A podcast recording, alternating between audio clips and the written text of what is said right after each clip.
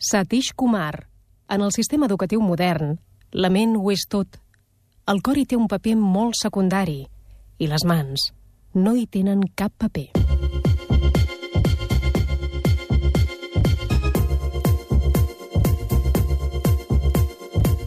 Soc Rafael Vizquerra, director del postgrau en Educació Emocional i Benestar de la Universitat de Barcelona, Quina és la finalitat de l'educació? He fet aquesta pregunta a moltes persones, sobretot professores i professors, mares i pares, estudiants i també personal de l'administració pública en educació.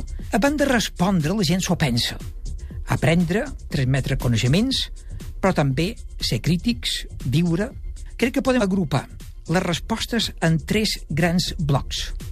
Aprendre continguts, aprendre a ser un bon professional o aprendre a ser persones, que és aprendre per la vida.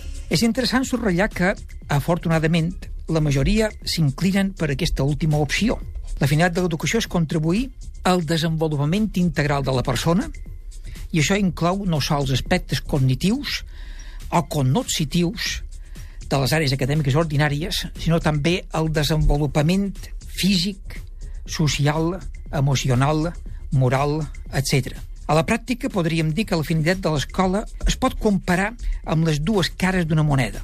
Per una banda, les àrees acadèmiques ordinàries i d'altra, el desenvolupament integral com a persona. Una vegada que hem arribat en aquest acord, quan analitzem el temps que dedica l'escola a cada una d'aquestes dues cares de la moneda, sobretot en els cursos superiors de primària i en tota la secundària, veiem que la balança s'inclina clarament de cara a l'aprenentatge en les àrees acadèmiques ordinàries. Mm? Llenguatge, matemàtiques, socials, naturals, expressió artística, educació física, etc., amb un oblit important d'educació per la vida. Els professionals de l'educació que ens escolten i qualsevol persona que pensi en el temps que en la seva experiència dins una aula ha dedicat o dedica a les àrees acadèmiques i quin temps ha dedicat o dedica a ensenyar a viure, a que els estudiants aprenguin des d'una escola de vida.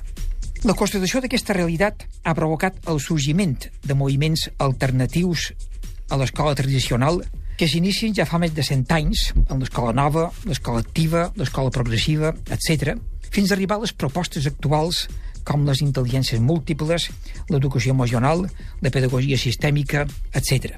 Benvingudes siguin aquestes propostes. Seria bo que moltes de les seves aportacions s'incorporin a la pràctica educativa habitual.